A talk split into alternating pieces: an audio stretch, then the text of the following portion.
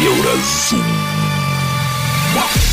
Самая еўрапейская праграма пра Беларусь. Вітаю, гэта праграма Еўразум. І самыя важныя падзеі сэнсы панядзелка 18 снежня. Ці супадае нацыянальная самаідэнтычнасць у беларусаў і ўлады. Вельмі вельмі моцныя настроі, агрэсіўныя такія даволі, амаль што няма эмпатыі да сваіх праціўнікаў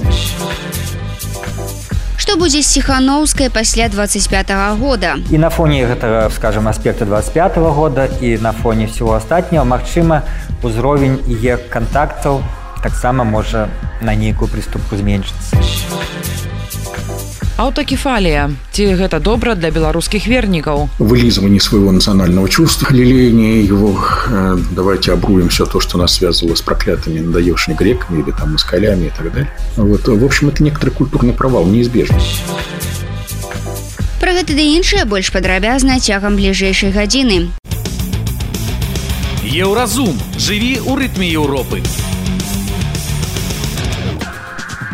Беларусы любяць Беларусь, але кожны па-свойму. Гэта вынікі нядаўна апублікаванага даследавання беларуская нацыянальная ідэнтычнасць у 23 годзе. У ім даследчыкі падзялілі беларусаў на тых, хто фармуецца абыякавых русіфікаваных савецкіх і свядомых і прыйшлі да высновы, што ўсе яны любяць нашу краіну, але па-рознаму бачуць яе далейшы лёс і тое, каго лічыць сапраўдным беларусам.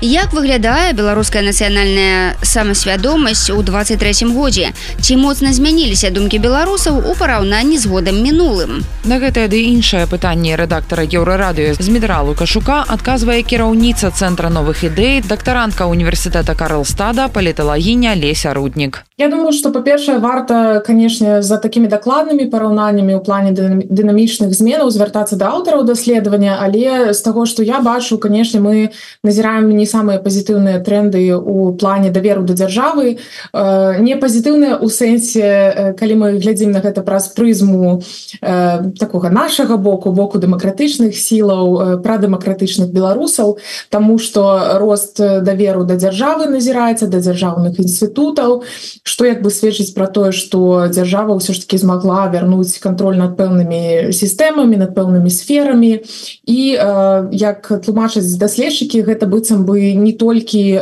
вынік фактара страха то бок реально люди стали больш крыху давяраць дзяржаве. Гэта можа быть звязана з рознымі чыннікамі але э, тренд даволі негатыўны. Таксама негатыўны тренд звязаны з тым что э, даволі шмат беларусаў хочуць інтэграцыі з Росіяй і гэта зноў ж такі такая вось сутыкненне з рэальнасцю калі глядзіш на вынікі гэтага даследавання. Варта памятаць зноў ж такі што апытаныя э, пражываюць у беларусі там максімальна блізка да э, такое беларускага грамадства змадэлявана выбарка.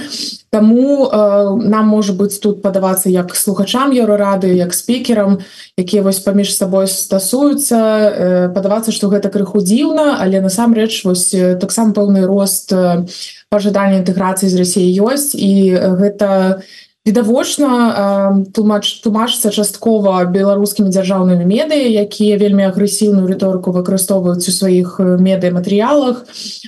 Вельмі актыўна працуюць і ў сацыяльных сетках і на розных іншых платформах. Таму на жаль вось такія негатыўныя тренды і відавочна што цікава таксама звярнуць увагу вось калі будзеце напрыклад чытаць это даследаванне цалкам знаёміцца на частку пра стаўлення да Украіны ці прадстаўлення да вайны таксама бо парадокс для мяне ў выніках даследавання заключаецца ў тым што беларусы адначасова хочуць пэўнай інтэграцыі з Росіі але таксама выказваць пажаданні выбуду адбудовы паляпшэння стасункаў з Украінай то бок хочется паляпшэння на дыпламатычным узроўні хочется каб лепей стала сітуацыя з памежнымі пунктамі на, на гэтым каб узроўні таксама вялася супраца. Вось таму агулам гандаль і вось такія розныя рэчы якія тычацца бытавога жыцця беларусы хочуць аднавіць з украінскім бокам але пры гэтым зноў ж таки ёсць спрэчныя погляды на вайну. і мне падаецца что гэта парадокс у тым сэнсе что хочется і э, інтэграцыі з Росіі і таксама пэўнай э, пэўнага паляпшэння стасункаў з Украіны у тым что э, беларусы не накладваюць такую палітычную геапалітычную ну увогуле ацэнку у сувязі з вайной на на сітуацыю і дзейнічаюць ці выказваюць даволі такія прагматычныя думкі прагматычна беларусам было б добра там э, без праблем ездзіць у Росію э, карыстацца ўсімі магчымасцямі расійскай эканомікі але пры гэтым таксама ездзіць ва ўкраіну і наладжваць розныя працягваць свае розныя бытавыя справы у тым ліку.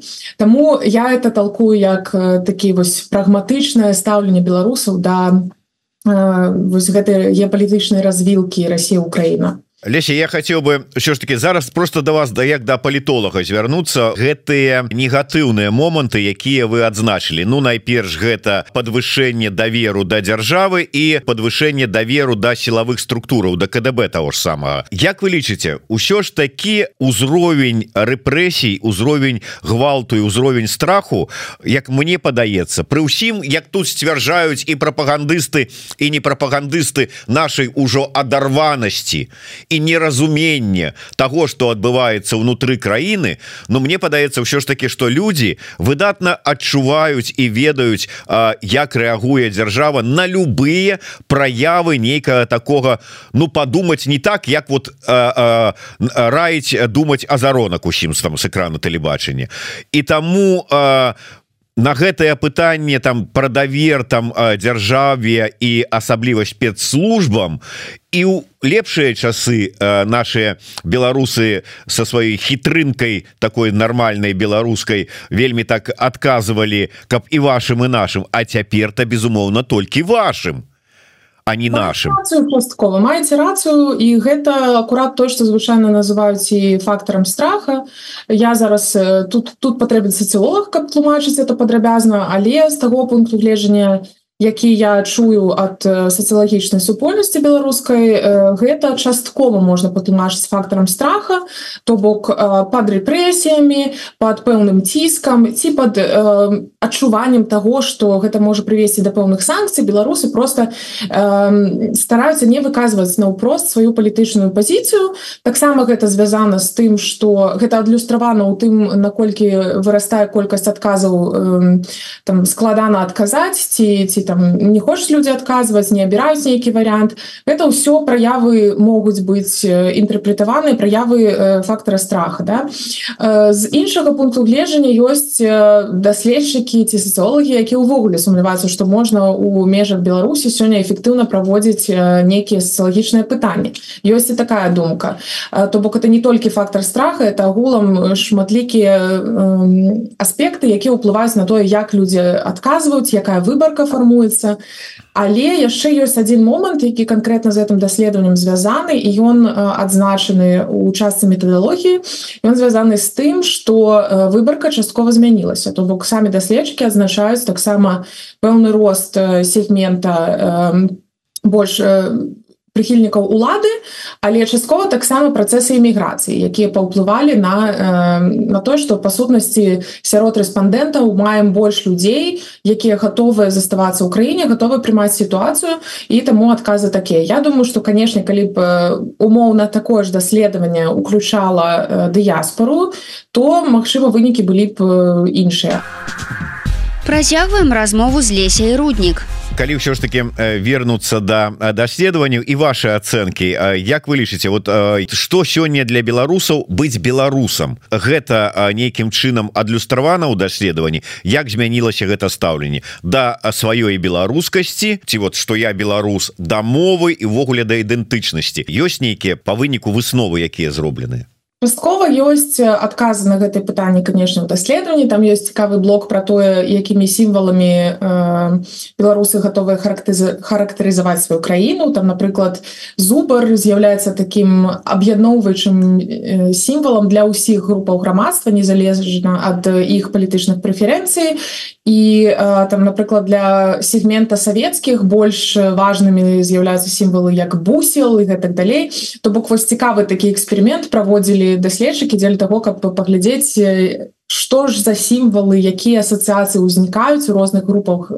грамадства калі мы кажам про Беларусь. Важная частка таксама что э, асабліва сярод свядомых групы свядомых выбіваецца э, такі аспект. 15 соткаў сярод этой групы лічуць что беларусам можна называть любого чалавека в прынцыпе э, там по розных крытэрах але у яго не абавязкова павінен быць беларускі пашпарт. і Вось сярод іншых групаў гэты адсотак вельмі малы сярод свядомых то бок это лаяльныя да дэмакратычных сілаў гэта прыхільнікі дэмакратычнага развіцця Беларусі.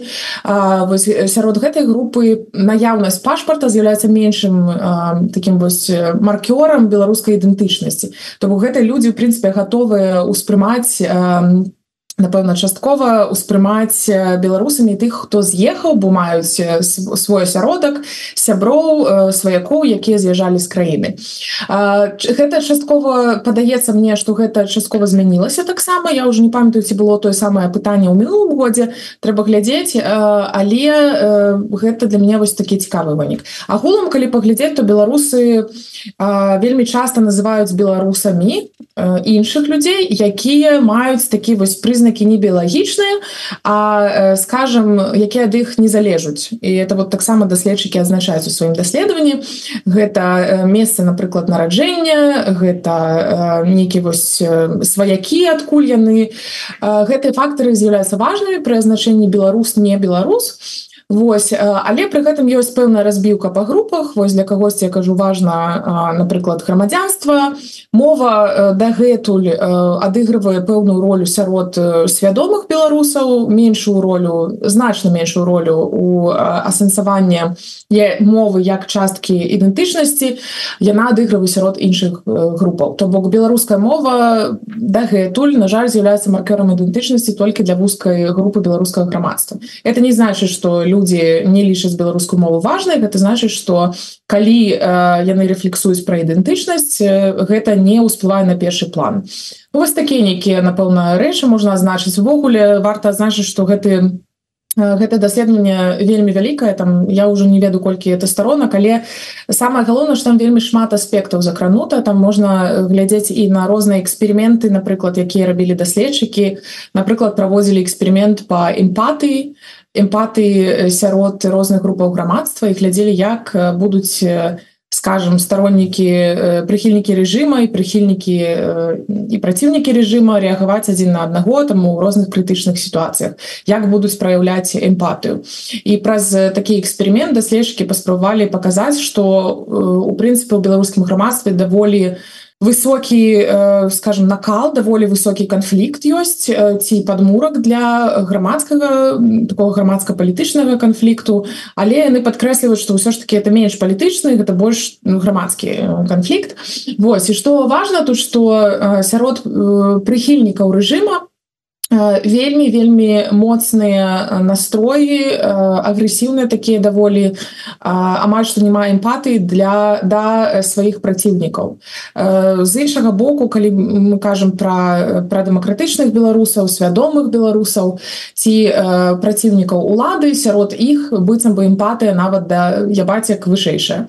Таму вось гэта таксама цікавы вынік такой які паказвае галоўнае што ён паказвае што перамог перамовы будуць вельмі складанымі калі такія перамовы будуць грамадскі дыялог можна будзе дасягнуць толькі тады калі а, вось гэтыя две два радыкальныя бакі а ў першую чаргу прыхільнікі рэжыма будуць гатовы дээскалаваць сваю рыторыку стаць менш агрэсіўнымі і быць гатовымі на пэўныя кампрамісы. а У эфіры еўрарадыё была паліталагіня Леся руднік. Яна падвяла вынікі даследавання пра ідэнтычнасць беларуса ў 23 годзе і патлумачыла, ці магчымы дыялог паміж так званымі змагарамі і ябацькамі. Еўразум. Беларусь у еўрапейскім фокусе. Далей у праграме еўразум што будзе сехановскай пасля 25 -го года? І на фоне гэтага скажем аспекта 25 -го года і на фоне всего астатняго Мачыма узровень е контактаў таксама можа на нейкую прыступку зменшыцца. Аўтакефалія ці гэта добра для беларускіх вернікаў? Вылизывание своего национального чувства леление его давайте обруем все то что нас связывало с проклятыми надаешни греками или там москалями и так далее вот в общем это некоторый культурный провал неизбежно сустрэнемся пасля навінаў спорту.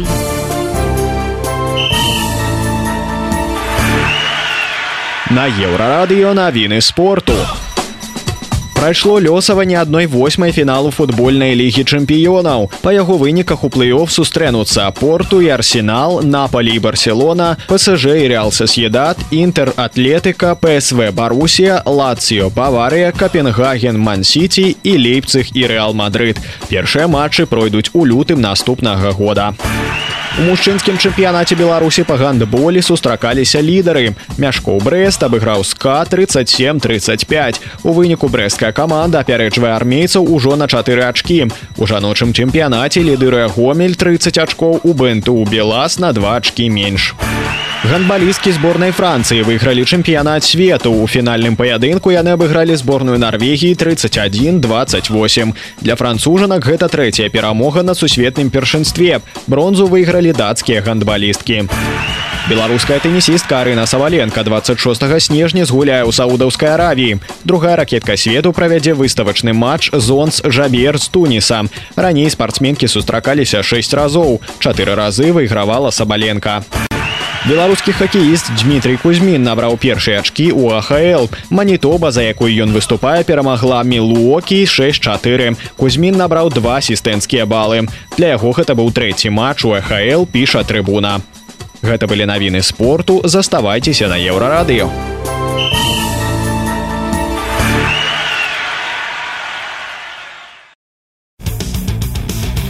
Еўразум жыві ў рытме Еўропы. У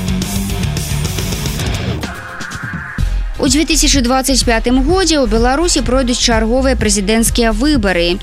І як мяркуюць некаторыя эксперты, з імі скончыцца мандат Святланы Ціхановскай. У офісе дэмакратычнай лідаркі кажуць, што ў 2020 Беларусь выйшла з выбарчых цыклаў, бо выбары фактычна не адбыліся. Таму легітымнасць Ціхановскай скончыцца з выкананнем яе місіі, то бок з правядзеннем новых дэмакратычных выбараў.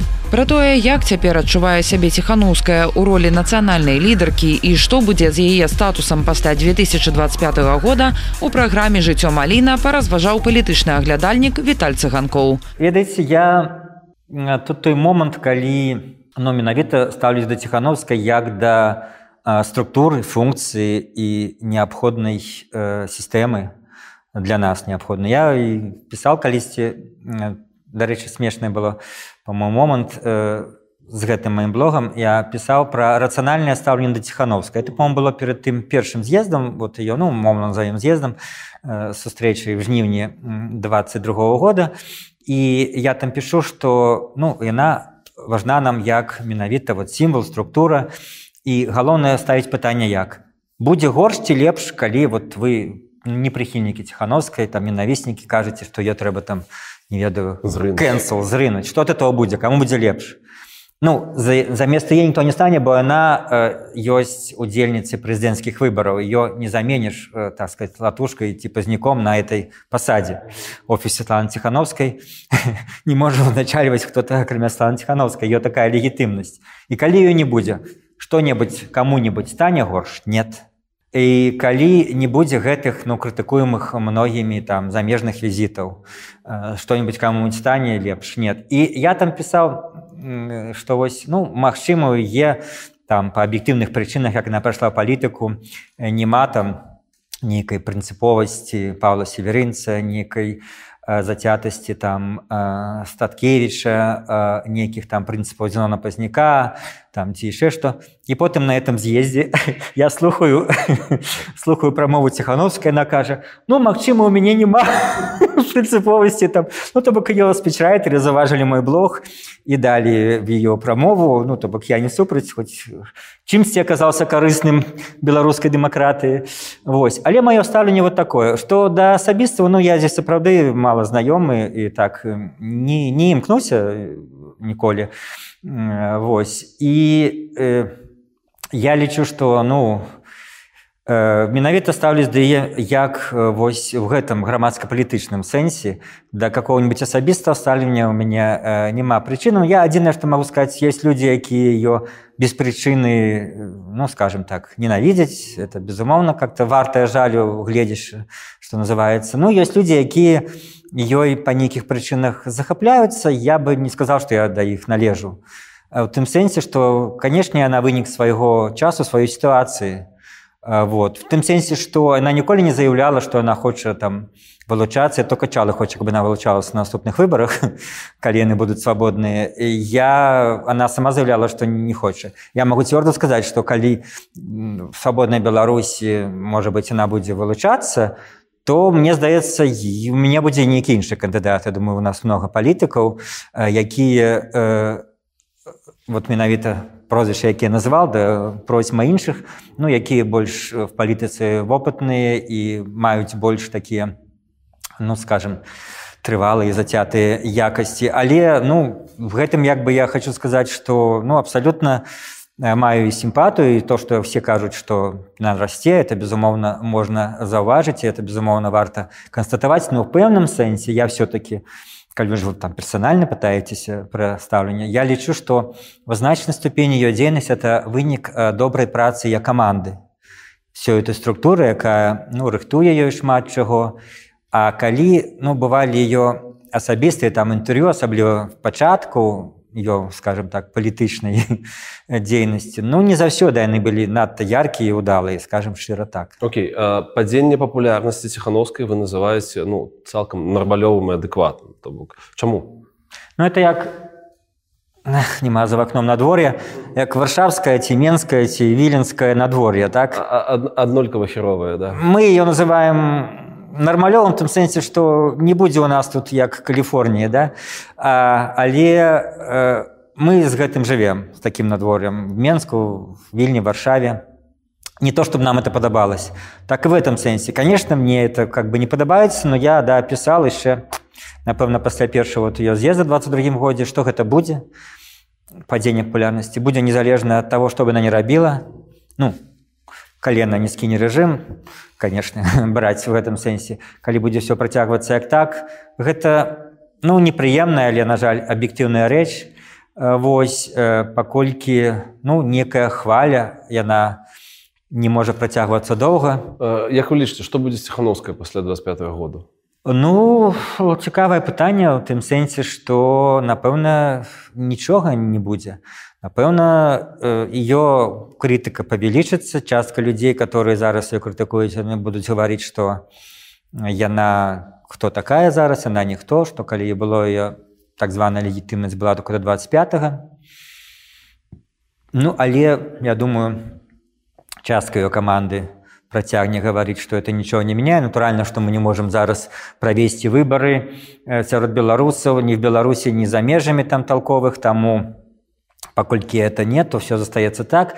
І відаць большасць заходніх партнераў таксама это ўспрыме Вось таких скажем может быть не самый вясёлы сцэнары аб'ектыўны но заходні партнер наколькі я разумею вельмі мне падаецца маюць вельмі добрую асацыю что вот прадстаўнік беларусаў гэта вось яна гэта ну дапаможа далей працаваць захад ну мне такое нават ёсць ну даволі сумнае можа быць э, прагназаванне что і на фоне гэтага вы ну скажем аспекта 25 -го года і на фоне всего астатняго Мачыма узровень е контактаў таксама можа на нейкую прыступку зменшыцца Тыдзень таму Святлана Ціхановская наведала з афіцыйным візітам ЗША. Разам з калегамі па дэмсілах абмяркоўвала беларускае пытанне з амерыканскімі палітыкамі і кангрэсменамі. Сёлетняя паездка не першы яе візіт у гэтую краіну. Два гады таму палітык ужо наведвала Вашынгтон і сустракалася з прэзідэнтам Джо Байденам. Якая розніца паміж ціхановскай узору 2021 году і сёлетняй нацыянальнай лідаркай працягвае Віталь цыганкоў. Ну рознічаем в навізне, канешне тады гэта калі не памыляюся байден. І печенькі. Да і печенькі. Зараз это зусім не байден. Восьось вам і розніца. Яна аб'ектыўна не тым што сталі как бы гор ставіцца а в тым што ну што вам можа нова байден сказаць? Для во што вам з ёй сустракацца? Ну все что трэба мы сказали что все что трэба мы робім там типа падтрымліваем але ну скажем новы прыезд ён не азначае что как-то беларуская тэма всколыхнуліся на тое что на момант запісу нашага эфіру няма такого великого інтарэса і і у амерыканскай прэсы. Ну гэта зразумела і украіна Ізраіль у нас на свеце хапае праблем без беларусі. І дарэчы калі кажуць там вот что вот маўляў некаторы там вот украінская ну вайна перабіла там беларускую тэму ну трэба нагадаць что прайшло там полторы гады от нашего жыня два до лютага 22 і полторы гады мы былі сапраўды ну, адным з пікаў міжнароднай тэматыкі. Гэта вельмі рэдка бывае беларусі. Немагчыма что такое просто есть люди кажуць вот нам зноў не пашанцавала ну ясна что за полторы гады нешта такое здарыцца что адсуне беларускую тэму вось з першых палос. Іх это натуральна было б чакаць там в Ізраілі раз 5 гадоў нешта такое здараецца новая вайна. Так что э, в дадзеным выпадку гэта дастаткова натуральна. Ну але ты пра ты працэсы пра якія сказал можа быць змяншэнне інтарэсу можа быць нават змяншэнне нейкага ўзроўню розных відаў дапамогі ад палітычнай да матэрыяльнай. Гэта таксама можа быць не здаецца. Ціхановска калі даруюць за мудрага Пуціна які это был кантэкст это был верасень два -го года. Так. Калі яны э, думалі і многія тады думалі что э, ну Путін будзе спрыяць адыходу лукашен так. Ну а что мы не хотели доход лукашэнкі? Безумоўна просто спецыфіка такая что кантэкст ніхто не ўзгадывае цяпер уже не ўзгадваюць я бы тут зараз и это база как бы проблем такую цехановской у накірунку Украины. Да такую как бы это сказать рояль в кустах бы достал и читал бы что говорил Уинстол Черчилль про Гитлера до 39 -го года. Поважаны там канцлер Адольф там вы там падтрымкой немецкого народа вы там вот все ожидаю как наши адносіны там и Ну да вайны так было трэба было ладзіць і ён э, больш затое ну не хацеў там э, пагаршэння адносін вайны карацей гэта в палітыцы так нередка бывае калі меркаванне э, мяняются не то што меркаванне мяняецца калі ёсць такая сітуацыя ну я дарэчы тады ж э, верас не пісаў такі даволі гучны был блог что вот вы можете спадзявацца там на рассею ці на расійскую грамадскую думку три так это было, это было так что у Тры гады таму у гэты дзень я напісаў допіс, дзе тлумачыў, чаму нашым новым палітыкам у душках няма ніякага сэнсу метаць бісер таксама ў душках перад расійскім грамадствам. Ужо нічога не зробіш. Як мне тады было відавочна, Расія, не крэбаль, а соцыум ужо скончыла сваю эвалюцыю і пераўтварылася ў тое, што я прывяло да вайны і падтрымкі яе большасці расійскага грамадства. Ну так я прывозіў тады социалагічныя дадзеныя калі пры всім тым што асабліва першыя тыдні расійская прэса даволі ну адэкватна апісвала сітуацыю беларусі там жа нават некаторых расійскіх афіцыйных журналістаў тут як сіх пабілі там ад 9 до 12 жніўня два -го года Вось потым лукашенко там сіманянка сказал давайте перевернем эту страницу вот. То бок расійская пресса даволі нормально описывала некіе першыя тыдні гэтую ситуацию нашу.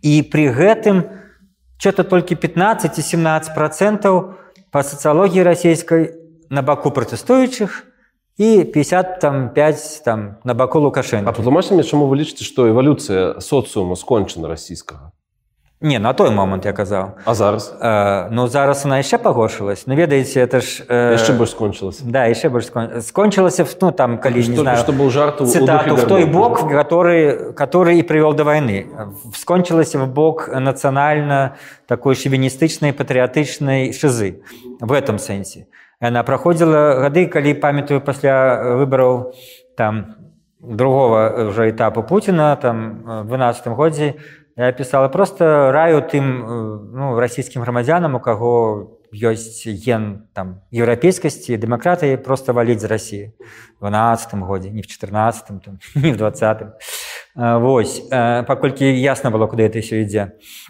І э, я просто лічыла что ну в тым допісе спрады верасні по-моему 20 калі вот былі спробы там ну я могу іх зразумець чаму былі этой спробы. Першае трэба спрабаваць все но я разумел что это не мае ніякага сэнса не, не адгукнецца так сказать кремль не на які там мудрого путина не на якія э, заіскивания ці э, не на які рацыянальныя тлумачэння чаму ему кремлю и Э, так сказать э, выгодно посунуть лукашенко. Это ж не то что там политики там куча политологов указали что все уже вырашено что кремль настоить на тым как путь как бы лукашенко провел ну так званую конституцыйную реформу. Выніку якой не стане президента а стане э, скажем такая палата прадстаўнікоў якой будзе моцная прорасійская фракция. Я думаю ну что разумные социологи и политологи наши про это говорили. Я думаю, боже, но нафига им мець справу з нейкімі мала кіруемым парламентам з, з нейкімі рознымі фракцыямі па-першае это адкрыецца все і з'явіцца новыя магчымасці кажу да, да, дай Боже каб это было. Паколькі ну не все адразу нельга адразу чакаць ідэальнай дэмакраты беларусі хай бы спачатку вот была одна мэта каб сышоў лукашенко і многія казалі вот а что зменится да все зменится потому что это аўтарытарная структура трымаецца на гэтым канкрэтным чалавеку яна дасць трэшчыну любым выпадку хто б не замяніл его яна пайдуць розныя э, э, сілы будуць цягнуць свой бок. Пойдуць розныя там чыноўнікі сілавікі прарасійскія празаходнія пачнуць все это пачне разламываць сістэму она не будзе такой железабетоннай як яна пры яго прысутнасці таму на той момант трэба было яго сапраўды скінуць любымі шляхамі і гэтыя людзі каля ціхановскай напэўна гэта таксама так лічылі і звяртались тым ліку да рассеі Гэта быў палітычны аглядальнік Віталь цыганкоў, які патлумачыў, ці даруюць ціханаўскай мудрага Пуціна і што будзе з дэмакратычнай лідаркай пасля 2025 года. Еўразум. Беларусь у еўрапейскім фокусе. Далей у праграме Еўразум аўтакефалія. Ці гэта добра для беларускіх вернікаў? Вылизывание своего национального чувства лелеяние его э, давайте обруем все то что нас связывало с проклятыми надоевшими греками или там москалями и так далее. Вот в общем это некоторый культурный провал неизбежно сустрэнемся пасля навінаў шоу-бізу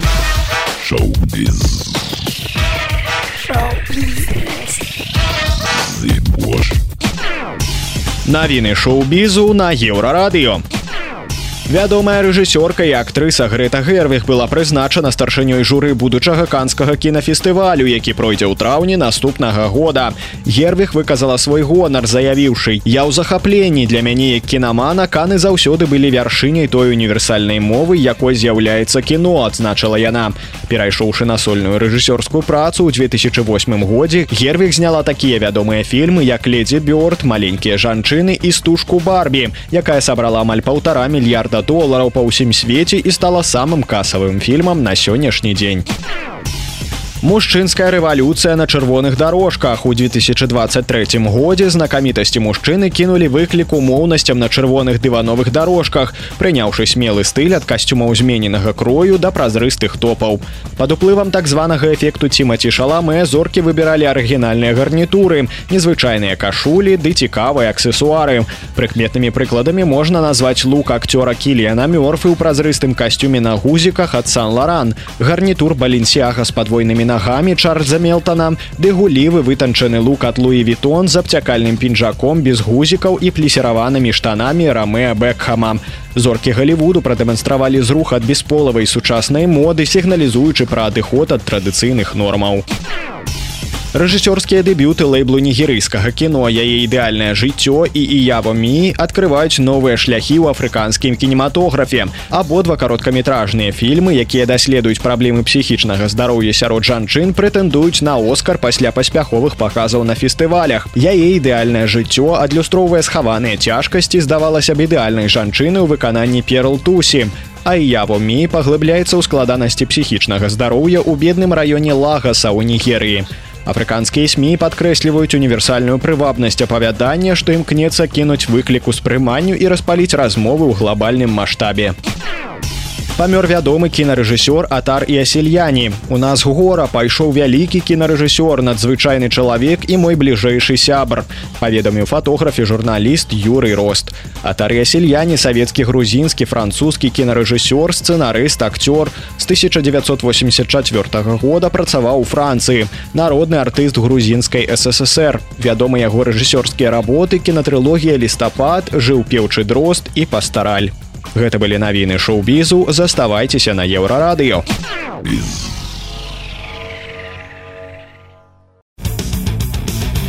Еўразум жыві ў рытме Еўропы. Не забі адна з галоўных запавядзяў у хрысціянстве. І падавалася б усе хрысціяне мусяць быць супраць вайны. Але не. Руская праваслаўная царква вырашыла інтэрпрэтаваць евангелие по-свойму згодна курсу праўладнай партыі.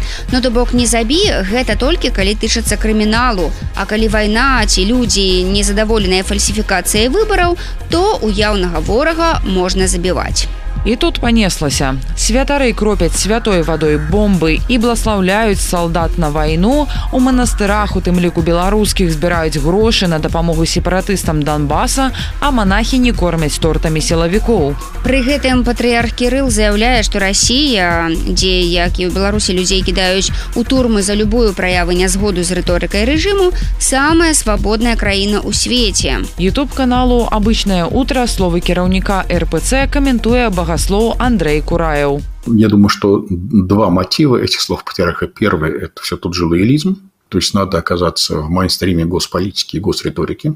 И поэтому тут совершенно понятно, что э, свободные страны – это, это для него синоним союзники России.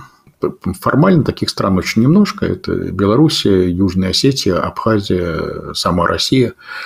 Вот на пятое место, не знаю, что, кто претендует. Там КНДР, Китай, Сирия или Венесуэла. Вот тут большой выбор, конечно, можно. Сомали еще есть интересная страна.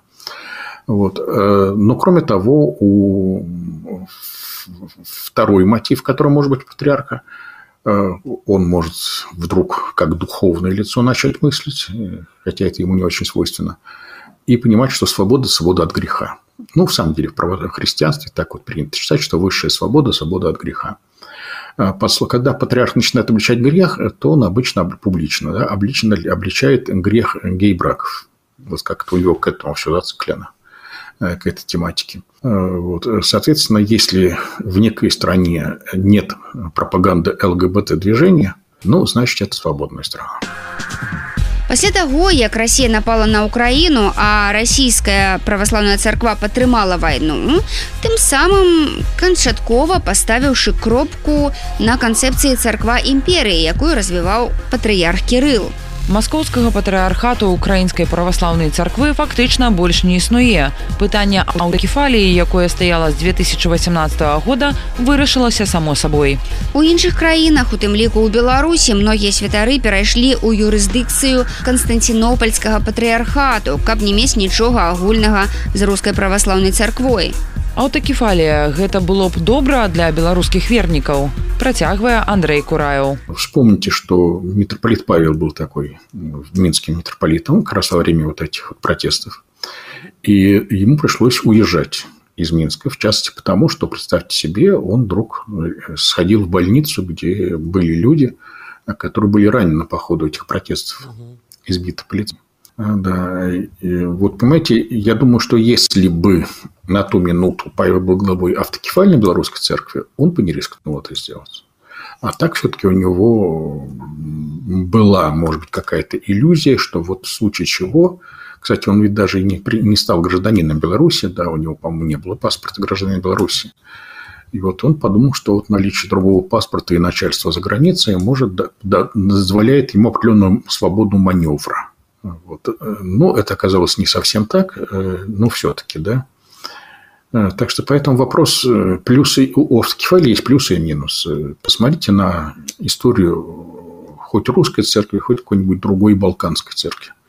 Обретение ее автокефалии – это всегда превращение ее в марионетку местного царька. Плюс к этому обретение автокефалии, как правило, это еще и, по крайней мере, на несколько поколений, Это сужение кругозоров, сужение образовательного уровня, провал культурный, потому что начинается вылизывание своего национального чувства, лелеяние его, э, давайте обруем все то, что нас связывало с проклятыми надоевшими греками или там москалями и так далее. Вот. В общем, это некоторый культурный провал, неизбежный.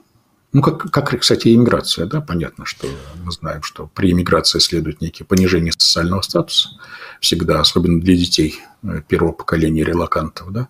Вот. Э, но люди, многие серьезно согласны и на это, говорят, что лучше пусть так, э, лучше тактический провал, но, но плюсы большие, да. Вот аналогичные плюсы и минусы есть и при решении вопроса об, об обретении автокефалии. То есть, скажем так, белорусская церковь сегодня – это инструмент политики Лукашенко. А вот дальше это любимый вопрос для экспертов. Насколько самостоятельно Лукашенко, насколько перед Кремлем э, тех, той сложной многолетней, многодесятилетней игре, которую он с ним ведет.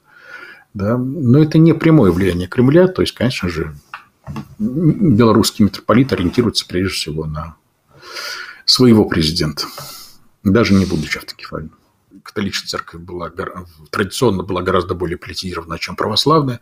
Ну, в частности, потому что у православной церкви она не была политически самостоятельным институтом Византийской империи, а затем уже столетие османского гнета, когда тоже тут уж не до, не до политики да, не до политических высказываний. Но, кстати, что интересно, это то, что вот русские путешественники XIX века отмечали, что Э, вот лежат книги богослужебные в храме, да, православный храм, Османская империя, вот, а при этом вот в этих книгах, если читаться, там молитвы, пожалуйста, есть и против сарацин, и о возвращении православного царя и так далее. Это, вот раз внутри храма турки на это особо не обращали внимания, на ваши молитвы, какие они там.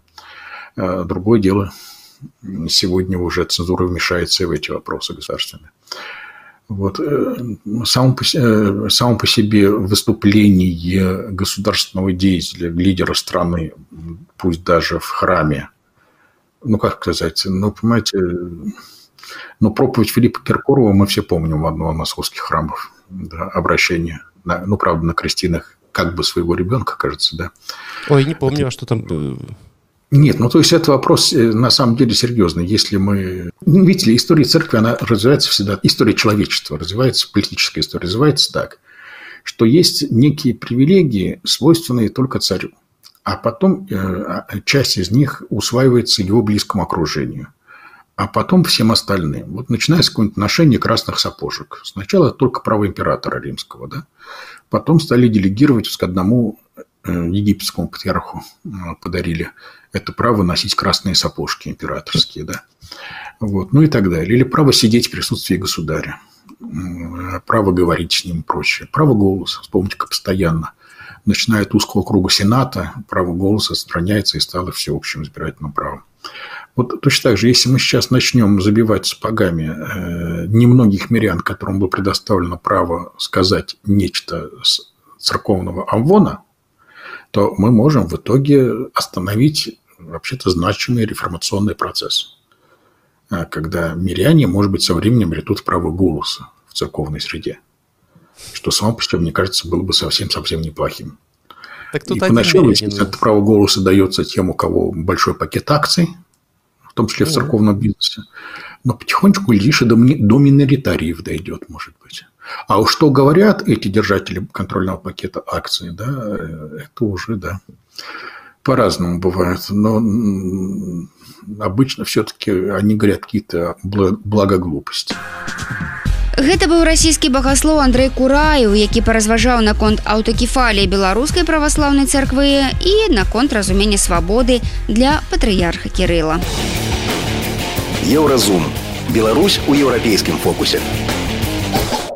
Гэта была праграма Еўразум, штодзённы інфармацыйны падкаст еўрарадыё. Кожны дзень мы распавядаем пра галоўныя навіны Беларусі і свету. А сённяшні выпуск скончаны. Беражыце сябе. Пачуемся.